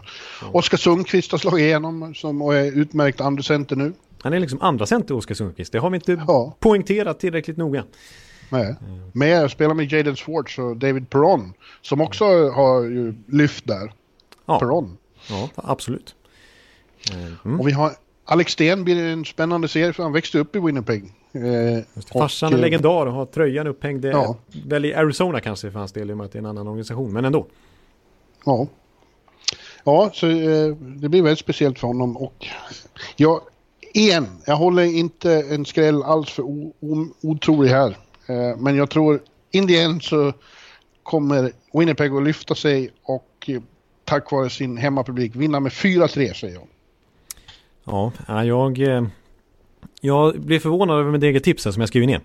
För jag trodde att jag tippade Winnipeg, men nu får jag stå för det jag har tänkt ut eh, sen tidigare. Och jag säger St. Louis vinner på hemmaplan i Game 6, så det blir 4-2 matcher till St. Louis. Spännande. Mm. Mm. Spännande. Vad säger Jarko åt dig nu då? Nej, han... Hör du, Ekeliv.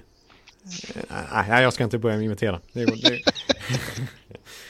ja, nej men... Jo, gör det. Nej, det är jag... som säger. Hör du Ekeliv. Ja, men Jarko, han har ju liksom ingen, han har ingen riktig dialekt, men när han blir sur, då, då kommer det här finska fram. Mm -hmm. när, han, när han liksom blir irriterad, så då blir det ju liksom Ja men, eh, jo alltså, eh, nej men, eh, Ekan, alltså kolla här nu. Line, han, han, kommer göra, han, kommer göra, han kommer göra ett mål den här serien, då kommer ketchup. Han kommer, kommer göra fyra mål i match tre. Han kommer, han kommer sluta med tio mål den här serien. Tror du då att Binnington och de här har någon chans då eller? Nej det kommer de inte ha, det blir Winnipeg. Och så blir det, så slår de ut Nashville nästa runda. Och så blir det ändå Stanley Cup-final. Ja. Ja. ja, jag tror på Jarko. Ja. Winnipeg vinner här. Ja, jag säger St. Louis. Winnipeg winner. Ja, det funkar ju visserligen. Ja. Ja, men då har vi, vi har lite olika här och där. Det blir otroligt spännande att se vad vi, vad vi facit när vi har det. Vi kan gå igenom. Eh, redan nästa vecka kommer vi att kunna se tydliga trender och annat. Precis, då har vi mycket mer att ta fasta på. Då, då skiter vi i grundserien och sådana siffror. Då har vi faktiskt ja, mycket mer grepp om, om var de här serierna kommer ta vägen någonstans. Ja. Så det, ja, ja kul. Och man, ja, mm. ja, jag brukar, tyvärr måste jag säga låter ju kanske inte så förtroendegivande när jag, när jag har lyssnat här på våra tips. Men jag brukar snitta typ 5 av 8 så det är ju många man har fel på också. Ja, det är ju det är ju, det är ju omöjligt att få rätt nästan i alla åtta. Var med och göra sådana här brackets är ju extremt svårt. Ja, precis. Vi, kan, vi kanske kan tipsa om eh, våran, eller vår, alltså NHL-bloggen, inte NHL-poddens, men eh, NHL-podden är ju en förgrening av NHL-bloggen ändå. Ja. Och NHL-bloggen så finns det ju en, en bracket-liga. Ja. NHL-bloggens ja. bracket, heter den så? Ja, och, eh, och, och lösenordet är Bjurman. Ja, precis. Det är bara att gå in och vara med där. Det är Åsa Chall i Memphis som eh, administrerar den. Eh, alla är välkomna. Precis, som sagt. Jag tror den heter NHL-bloggens understreck eller mellanslag bracket och så Bjurman som lösenord. Så där, och jag tror mer i... om, man, om man går in på, på, deras, på NHLs bracket och sö, söker på NHL-bloggens bracket som ett ord, då får man upp den. Okej, okay, ja bra. Så där, där får man väldigt gärna joina. Men då måste man ju vara, eh, man måste ha ett konto hos NHL också, fast det, det, Men det löser man ju. Det fixar ja. ja. Men ja. hörru du, nu har vi gjort det där. Tänk dig nu, nu börjar det och nu man glömmer bort vilka saker som kommer. Det kommer att vara vita handdukar, det kommer att vara We Want the Cup-ramsor, det kommer att vara övertidsdraman som pågår i flera perioder, Jonathan. Ja, oj, oj, oj. Och det, och det kommer, kommer vara... Smälla, det kommer att vara 100% i satsning, framförallt här i första rundan. Den är ju alltid den vildaste, för alla är ivriga och står och sparkar som, som hästar nu i, i, som inte får komma ut. Ja, alltså på ett sätt är det den roligaste rundan. Ja. Visst, det är ju kul sen också, men tempot går ju ner lite grann med tanke på att det blir färre matcher och lite mellanrum mellan speldagarna. För nu är det ju konstant action liksom. Kväll ja, kväll. och dessutom blir alla lite mer försiktiga sen och det blir mer taktiskt rävspel. I första omgången är det i allmänhet, ja, det bara smäller. Det, det är galet.